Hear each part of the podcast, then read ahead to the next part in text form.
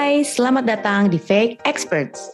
Di podcast ini kita akan berbagi cerita tentang perjalanan hidup perempuan dan multiperannya. Karena di setiap cerita pasti ada pelajaran hidup untuk menuju versi terbaik diri kita. Selamat mendengarkan.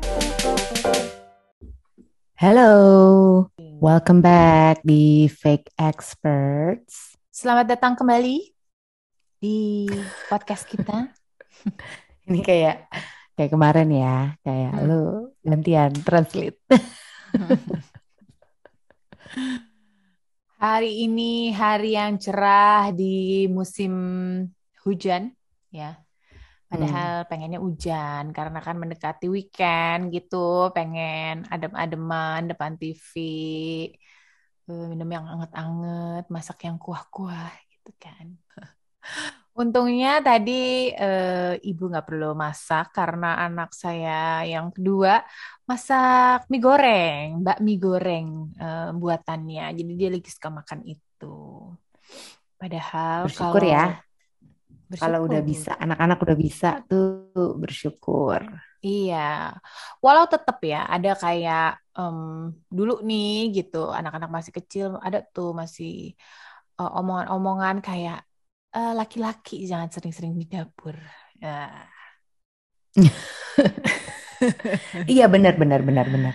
Paham-paham orang dulu mungkin ya yang um, oh bukan orang dulu aja sih dan mungkin ketimuran juga ya budaya timur ya. Iya mungkin ya dari masa penjajahan mungkin kayak iya kan kayak misalnya laki tuh yang boleh sekolah dulu laki. Mm -mm. Perempuan nggak boleh. Berarti kan bisanya kerja apa? Ya mm jadi kan urus rumah. Kartini. Eh. pas ya banget kan? nih soalnya gue baru nonton kemarin kan. Kartini. Ya iya benar benar benar. Ya kan nggak boleh sekolah. Akhirnya cuma bisanya di rumah. Mau cari kerja susah.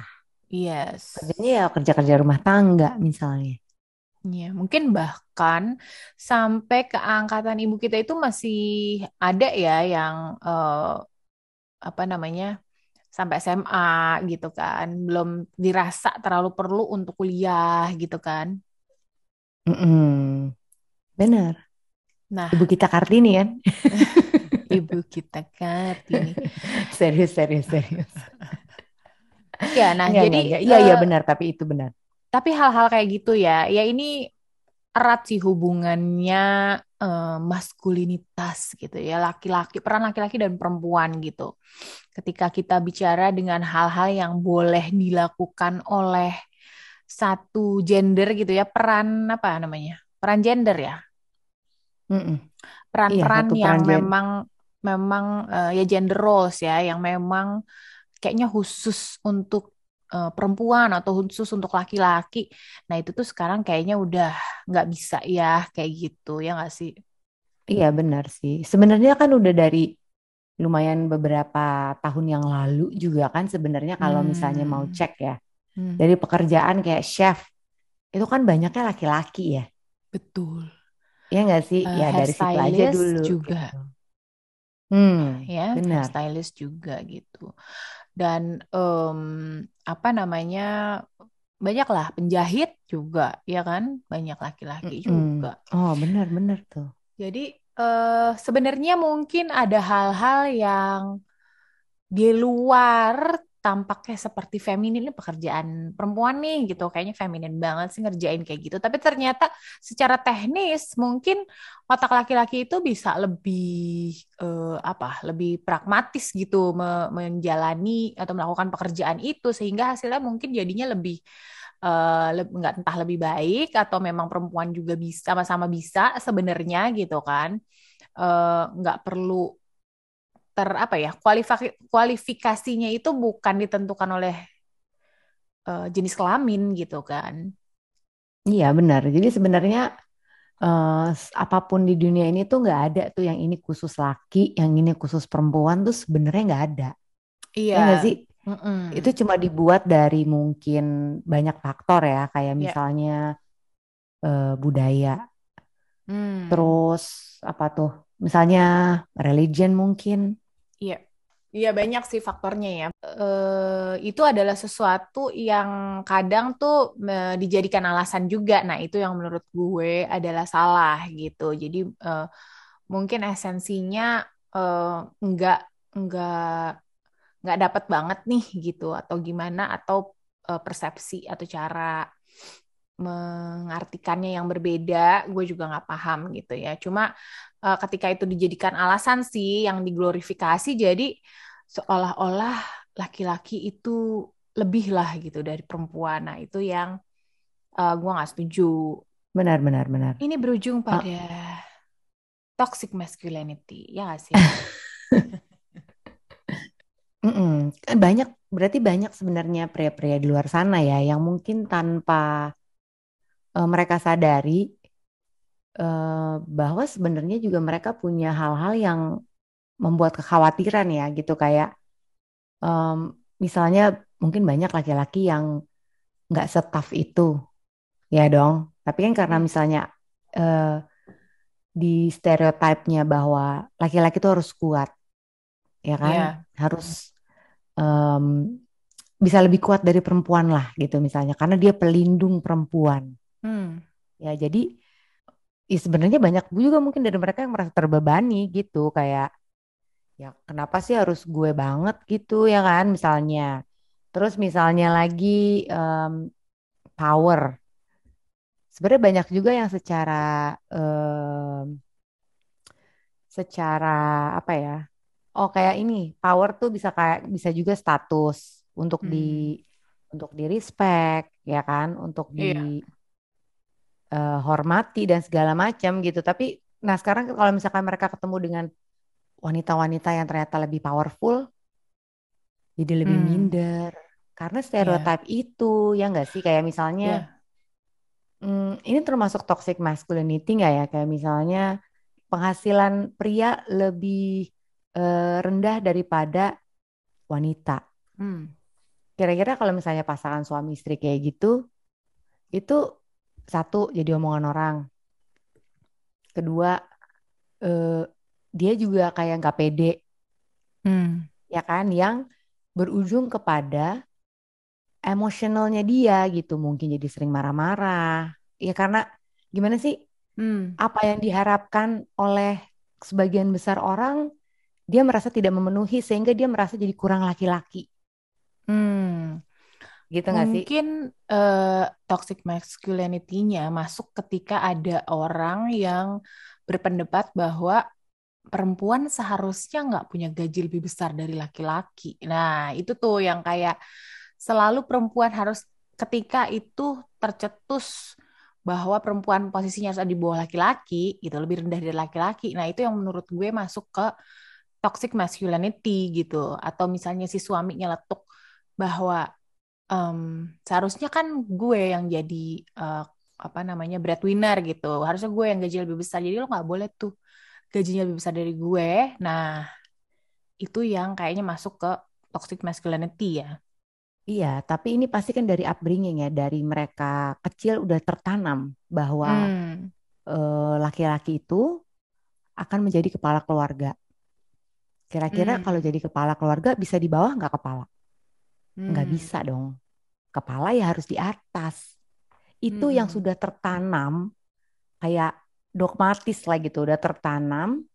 Itu sehingga ketika nanti mereka udah besar, mereka tumbuh, ya itu nggak punya gaji lebih gede atau powernya secara mungkin pekerjaan gitu, powernya si istri di pekerjaan lebih tinggi daripada suaminya misalnya. Hmm ya iya. kan? Yeah. Bisa juga kan gitu kayak mungkin nggak ada orang yang ngomong gitu. Tapi karena sudah ditanamkan dari dulu secara baik sadar maupun tidak sadar, langsung maupun tidak langsung, dia kayak merasa ada yang ngomongin aja gitu kayak ih istri hmm. gue lebih tinggi dari gue. Padahal emang gak ada yang ngomongin. Tapi kan yeah. pasti itu udah ada di dalam karena udah ada di isi kepalanya gitu loh. Iya. Yeah. Itu kan yeah, gitu itu, ya. Kadang, uh, iya mungkin konflik dengan pemahaman dia sendiri gitu ya internal ya, konflik gitu dengan dirinya sendiri. Bisa jadi itu. Hmm. Sebenarnya lumayan ini ya, um, lumayan toxic. Ya, lumayan toksik. ya makanya namanya adalah Gak, lumayan berbahaya ya. Gak lumayan berbahaya gitu maksud gue bahwa dampaknya Bahaya tuh banget. sebetulnya uh, besar gitu kalau yeah. mau iya. kalau kita mau mencoba menelaah lebih jauh gitu sebenarnya yeah. dampaknya tuh besar banget ya gitu. Mungkin yang paling mudah ini kita pernah bahas juga deh kayaknya ya sekilas bahwa um, ya hal-hal yang kita omongin gitu ke anak-anak ya kayak tadi lu bilang dari masa kecilnya gitu kan dia udah ditanamkan seperti itu nah ketika kita juga nyeletuk nih secara nggak sadar kayak laki-laki jangan nangis ya contohnya gue lah punya anak laki gitu kan nah, semuanya nah, bener tuh anak lo laki semua tuh Yes, tapi gue selalu mengajarkan, kayak gue selalu mengundang mereka untuk ke dapur gitu. Gue selalu mengajarkan mereka untuk kayak bersih-bersih rumah, nyapu gitu yang quote unquote konon itu adalah pekerjaan perempuan gitu kan. Mm -hmm. Uh, itu selalu gue coba untuk tanamkan gitu dan untuk punya waktu berdua dengan masing-masing mereka gitu ya untuk uh, atau bertiga dengan suami gue juga gitu di mana mereka bisa mengekspresikan emosi mereka. Nah mm. uh, itu yang gue coba tanamin walau um, karena kitanya mungkin dulu dibesarkan uh, dengan lingkungan yang uh, apa namanya tadi gender roles tadi gitu ya sangat hmm. sangat apa sih terkotak lah gitu. Perempuan harus begini laki-laki harus begini. Nah itu tuh um, kadang masih terselip sih. Kadang lu masih kayak hal-hal yang uh, kayak tadi ngomong masa uh, masa sakit sih jatuh gitu doang? Nah gitu kayak gitu-gitu tuh yang uh, apa ya ya mau nggak mau ya gitu kayak udah di luar kepala gitu. Kadang ter ter apa uh, nyeletuk gitu kan kayak gitu. Iya iya benar. Sakit dikit aja nangis gitu. Mm kamu tuh nggak kuat banget sih jadi laki. Nah ya kan? Kayak gitu kan? Iya betul banget. Dan itu sementara uh, kalau perempuan mungkin lebih disayang-sayang gitu kayak mm oh kenapa? kamu oh, oh what happened? Gitu. Padahal mm. sebenarnya sama aja harusnya. Jadi intinya sebenarnya perlakukannya sama aja ya gitu. Kayak untuk hal-hal kayak gini lo bilang misalnya uh, harus lebih kuat ya itu berlaku mm. untuk uh, laki-laki dan perempuan gitu maksudnya jadi yeah. Iya. uh, nggak ada tuh perbedaan-perbedaan gitu nah ini nih uh, gue lihat sih di verywellmind.com mm. nih Intinya adalah uh, beberapa researchers itu udah agree nih ha, have come to an agreement that toxic masculinity Hmm. Ada tiga komponen core-nya, core komponennya, toughness, anti femininity sama power. Iya. Yang toughness kan pokoknya uh, secara emosional juga lo harus lebih kuat, lebih kaku gitu ya kan. Secara hmm. fisik harus lebih kuat juga. Eh, perilaku juga mungkin terkesan harus lebih agresif gitu misalnya. Hmm. Terus kalau si anti femininity itu ini termasuk yang fashion kali ya, kayak pokoknya anything that involves uh, the idea that men should reject anything that is considered to be feminine. Jadi kayak hmm. mungkin baju biru sama baju pink gitu kali ya. Nah, kayak iya. pink kan warna cewek banget Laki-laki nggak gitu. boleh suka warna pink. Nah, sedangkan yeah. anak gue ada yang suka warna pink gitu. Jadi ya ungu juga kali kayaknya sekarang mulai ini deh. Kayaknya ungu juga cewek gak sih gitu. Iya, iya. Padahal iya, sebenarnya nggak iya. apa-apa banget. Diasosiasikan gitu. dengan mainan-mainan aja ya. Maksudnya kan ada nah, mainan-mainan cewek yang ungu tuh kan. Jadi sekarang tuh kesannya hmm. Ungu tuh warnanya cewek juga gitu. Biru hmm. laki gitu kan. Benar, sama ini eh, termasuk yang ini ya, mungkin yang tadi kita sempat bilang eh, emosi, showing emotion gitu atau hmm. eh, ini malah or accepting help loh, menerima bantuan juga kayak laki tuh nggak perlu dibantu gitu tuh. Nah itu iya, juga termasuk core tuh, iya, iya kan? Iya iya. Ya mungkin itu uh, tadi. sih kalau dibantunya sama cewek, ya kan? Banget. Nah itu mungkin awalnya dari yang jatuh tadi gitu suruh bangun sendiri terus nggak boleh nangis mm -hmm. ya kan mm -hmm. jadi kayak nggak perlu dibantu gitu kalau laki-laki jangan nangis bangun sendiri Iya, Segitu doang, jangan ceng. Gitu. oh ini yang terakhir adalah power. Mm-hmm. Jadi this is the assumption that men must work toward obtaining power and status so they can gain the respect of others. Mm. Ini tadi udah sempat disebut juga kali ya, kayak yeah. Ya, misalkan tadi masalah di pekerjaan, status Iya. secara sosial, suaminya, oh posisinya ini sementara istri lebih tinggi. Nah, itu tuh Iya. hal-hal yang berkaitan dengan social and financial gitu. Iya, lumayan banget juga ya Jadi itu cowok ya. berat juga ya. Eh, berat juga jadi laki-laki sebenarnya ya, karena sebenarnya Berat banget. banyak. eh, kita kan suka bilang kayak jadi perempuan tuh susah juga ya gitu. Tapi ternyata sebenarnya jadi laki susah juga karena kita nggak pernah ngerasain ya. Banyak Hmm, beban-beban ya sebenarnya kenapa di gue semua sih bebannya. iya.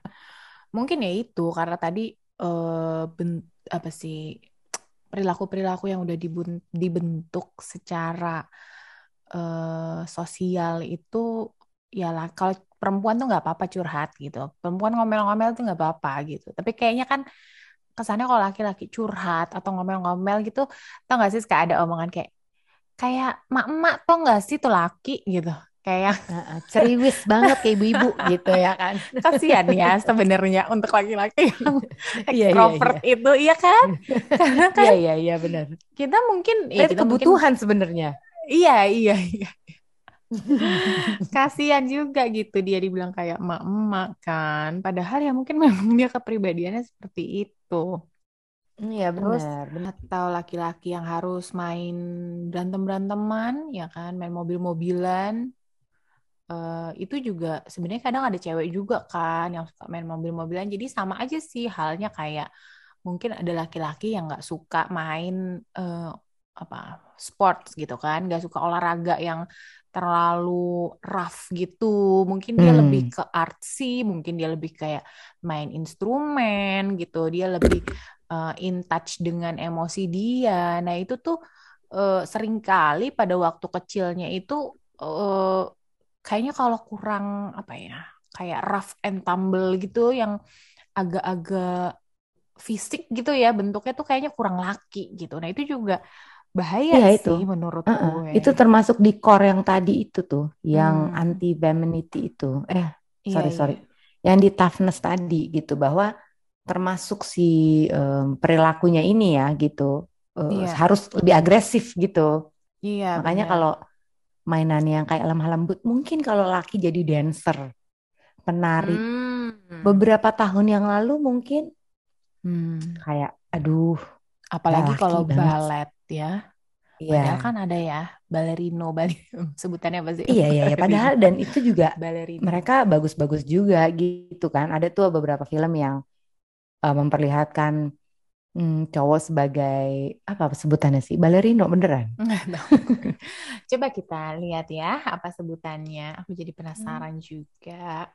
Ya kan? Padahal ada juga gitu. Mm-mm. Dan sebaliknya juga ada perempuan-perempuan yang bener-bener sangat tough juga gitu yang mungkin perempuan jadi eh, apa ya? Kerjanya ini em, yang berhubungan dengan otomotif.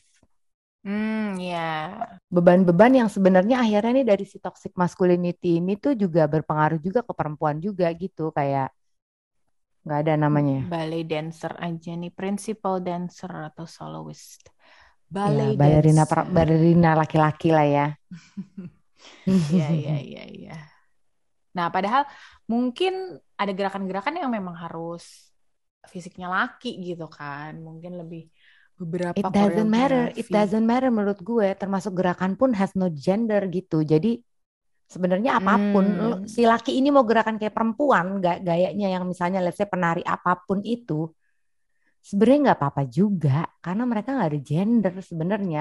Iya, ini iya, adalah efek dari masa lalu yang gua nggak tahu dari mana uj- ujungnya asal usulnya gitu yang akhirnya ke bawah terus sampai sekarang yang Hmm. ya udah akhirnya jadi mengkotakkan gitu. Oh ini partnya perempuan ini partnya laki-laki. Ini Hmm. adalah yang disebut laki-laki dan yang ini adalah yang disebut perempuan gitu. Kayak misalnya ini berlaku juga untuk perempuan ya. Mungkin apa nih? Toxic femininity. Kayak misalnya perempuan kok nggak bisa masak sih? Itu kan juga sebenarnya kayak toxic juga kan. Kayak ya Hmm. gue nggak nggak pernah diajarin masak let's say atau I don't like hal yang berhubungan dengan masak-masak misalnya kayak gitu Iya, betul. atau perempuan kok nggak bisa sih ngurus rumah Hmm. kayak ya nggak sih ih emang kenapa Iya, betul. Banyak banget tuh juga uh, unfairness kayak jadi gitu ya buat perempuan. jadi kayak em, labeling atau stereotyping terhadap jenis uh, kelamin ya gitu. Kalau perempuan harus hmm. begini, laki-laki harus gini gitu. Kembali ke toxic masculinity. Dan itu dampaknya panjang ternyata ya. Jadi hmm. di um, satu sumber apa ini? Sumber website. Artikel News Today dia bilang bahwa itu nanti akhirnya akan berdampak pada aggression gitu ya. Jadi orang manusia yang lebih agresif mungkin ya tadi itu karena dari kecil udah kayak harus diajarin berantem beranteman tuh gitu.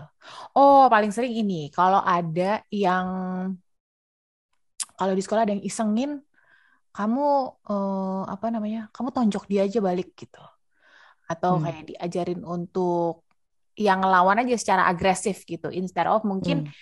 uh, bisa kan ya gitu diajarin juga ngomong gitu maksudnya hmm, kalau ada yang ngisengin kamu ajak ngomong dia aja baik-baik gitu mungkin kamu tarik dia ke samping tanya kenapa dia iseng sama kamu gitu nah itu tuh mungkin panjang ya prosesnya lebih panjang daripada daripada apa uh, sekedar main fisik ya fisik gitu tapi sebenarnya kan ini sama kayak perempuan juga kan gitu. Hmm. Uh, ini berlaku ya misalnya gini. Uh, misalnya anak laki-lakinya cerita ke ibunya kayak hmm. tadi aku uh, ditendang yeah. atau dipukul sama teman aku. Oh gitu. Uh, teman kamu siapa? Kadang orang tua suka reaksinya gitu ya. Iya. Yeah.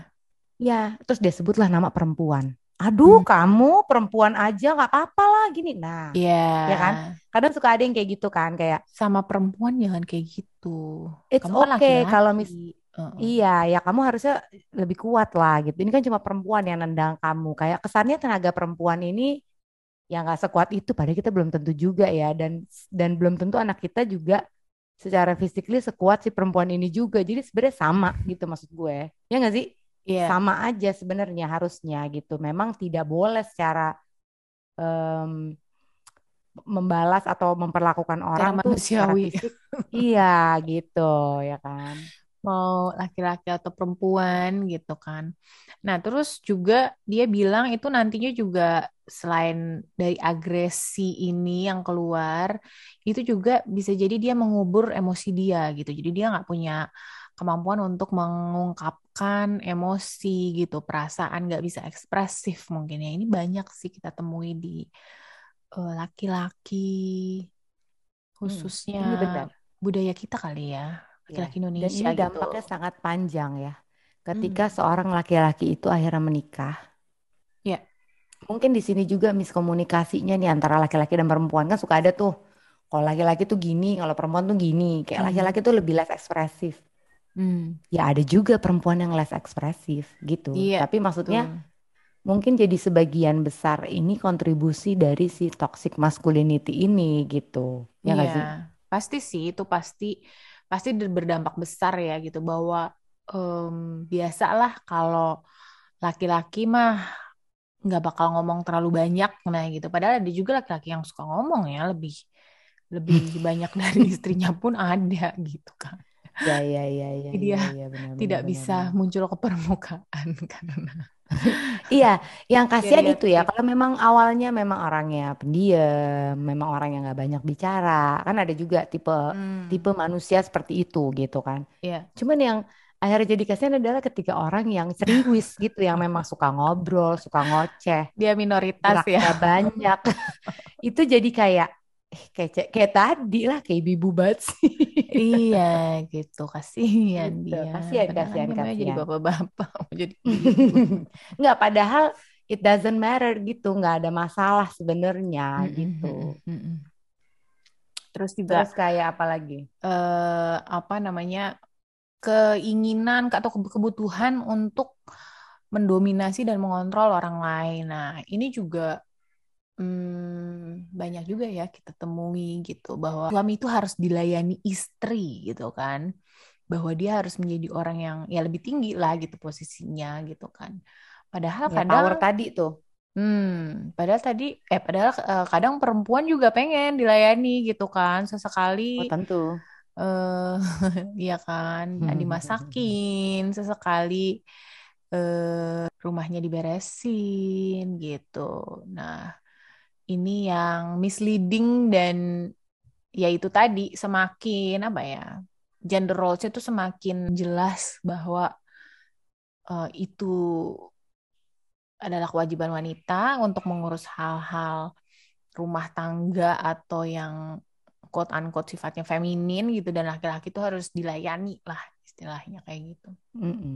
Benar-benar. Ini juga ini sih ada satu contoh yang kayak kalau cewek yang nyetir mobil, hmm. lakinya nggak bisa nyetir atau kayaknya kalau perempuan nggak bisa nyetir nggak apa-apa.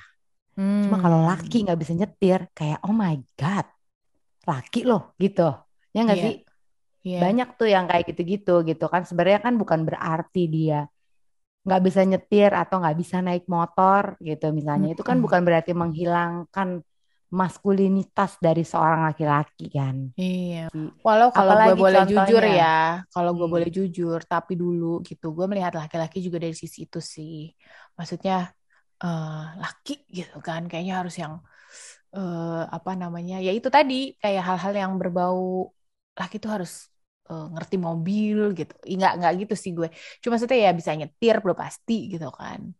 Iya iya iya. Nah, sukanya si, sports iya benar. Karena si toxic mas Iya benar, gue rasa itu karena si toxic masculinity itu sebenarnya nggak cuma akhirnya berdampaknya ke si laki, tapi dari sisi perempuannya adalah kita jadi melihat laki-laki tuh harus kayak gitu juga. Iya, ya kan ya. yang makin membebani tuh gitu kayak misalnya uh, kenapa misalnya kita lagi zaman pacaran gitu dulu ya, hmm. kayak misalnya lo kenapa nggak jadi nggak mau sama dia? Soalnya dia nggak bisa nyetir mobil saya ntar gue siapa yang jemput? Is, misalnya misalnya. Sebenarnya kan peran itu tidak harus dilakukan oleh laki-laki. Mm ya kan? Gitu misalnya. Atau apalagi ya? cengeng banget gitu. So dia cengeng banget. Yeah. kayaknya apa-apa tuh kayak dramatisir gitu. um, eh, eh, drama gitu kan padahal cewek banyak yang kayak gitu ya. Ya maksudnya sama aja. Sebenarnya it can happen to just any anybody gitu. Bisa laki iya. laki-laki bisa perempuan dan siapa pun. Atau misalnya kayak ih putus gue putusin aja deh gitu. Ilfil banget. Soalnya hmm. masih dia nggak bisa ganti ban sih? Nah ya kan? Hmm, hmm, iya. itu tuh itu juga banyak tuh. Mohon maaf laki-laki ya. Kita hmm. memang dengan culture yang ada jadi punya mindset-mindset salah nih selama ini. Iya betul. Untungnya berubah setelah punya anak ya gitu. Jadi uh, semoga kita bisa uh, lebih baik lagi membesarkan para lelaki generasi selanjutnya ini ya. Mm-mm. Buanglah yang toksik-toksik ini buang-buang lah ya kan. Nggak ada gunanya. Namanya juga toksik ya kan nggak ada gunanya. Dan apakah sikap-sikap yang dulu kita bilang kayak oh gentleman banget sih dia gitu. Bawain uh, tas gue eh bukan tas belanjaan ya kan. Nah tas, itu tas juga berat, tuh. Ya bukain pintu mobil iya kan. Uh, mendahulukan tempat duduk. Nah kalau menurut gue sih itu manner ya. Bukan masalah dia laki-laki bener apa enggak gitu ya, ya kan? Bukan mungkin dulu uh, terminologinya adalah gentleman gitu kan mungkin sekarang sih lebih kayak ya manusia sopan aja ya gitu. Sama sih kalau perempuan atau laki-laki misalnya kita lihat orang yang lebih tua, orang yang lansia gitu kan, lagi di MRT atau di kereta di mana pun, di bus, kita pasti mempersilahkan dia untuk duduk duluan gitu. Nah mungkin iya betul. Ketika ada laki-laki yang menawarkan yang sama ke kita, bukan berarti dia memandang kita lebih rendah gitu, tapi bisa jadi um, itu ya sebagai bentuk rasa hormat atau rasa sopan ya gitu. Ya, ya intinya jangan menjudge sesuatu dari apa yang sudah kita tahu sebelumnya gitu nih yang kayaknya sih harus begini ternyata dampaknya itu lumayan besar juga untuk para pria gitu terutama kan hmm. kan kalau kita sekarang nih udah zaman zamannya punya anak nih iya yeah. ya kan marilah kita membesarkan anak-anak kita itu terlepas dari yang namanya ini si toxic masculinity ini terutama mm -hmm. untuk uh, orang orang tua orang tua yang uh, punya anak laki-laki. Ya, jadi jangan pakai lagi excuse-excuse kayak boys will be boys ya, boys hmm. don't cry. Ya, pokoknya kita buanglah jauh-jauh si toxic masculinity. Kita uh, selalu melihat ke depan ya yang baik-baiknya. Bagaimana kita bisa membesarkan generasi yang lebih baik di masa depan. Bukan gak begitu? Hmm. Betul sekali. Bye toxic. Please subscribe our podcast Fake Experts and follow our Instagram at fake.experts. Fake experts. Fake experts.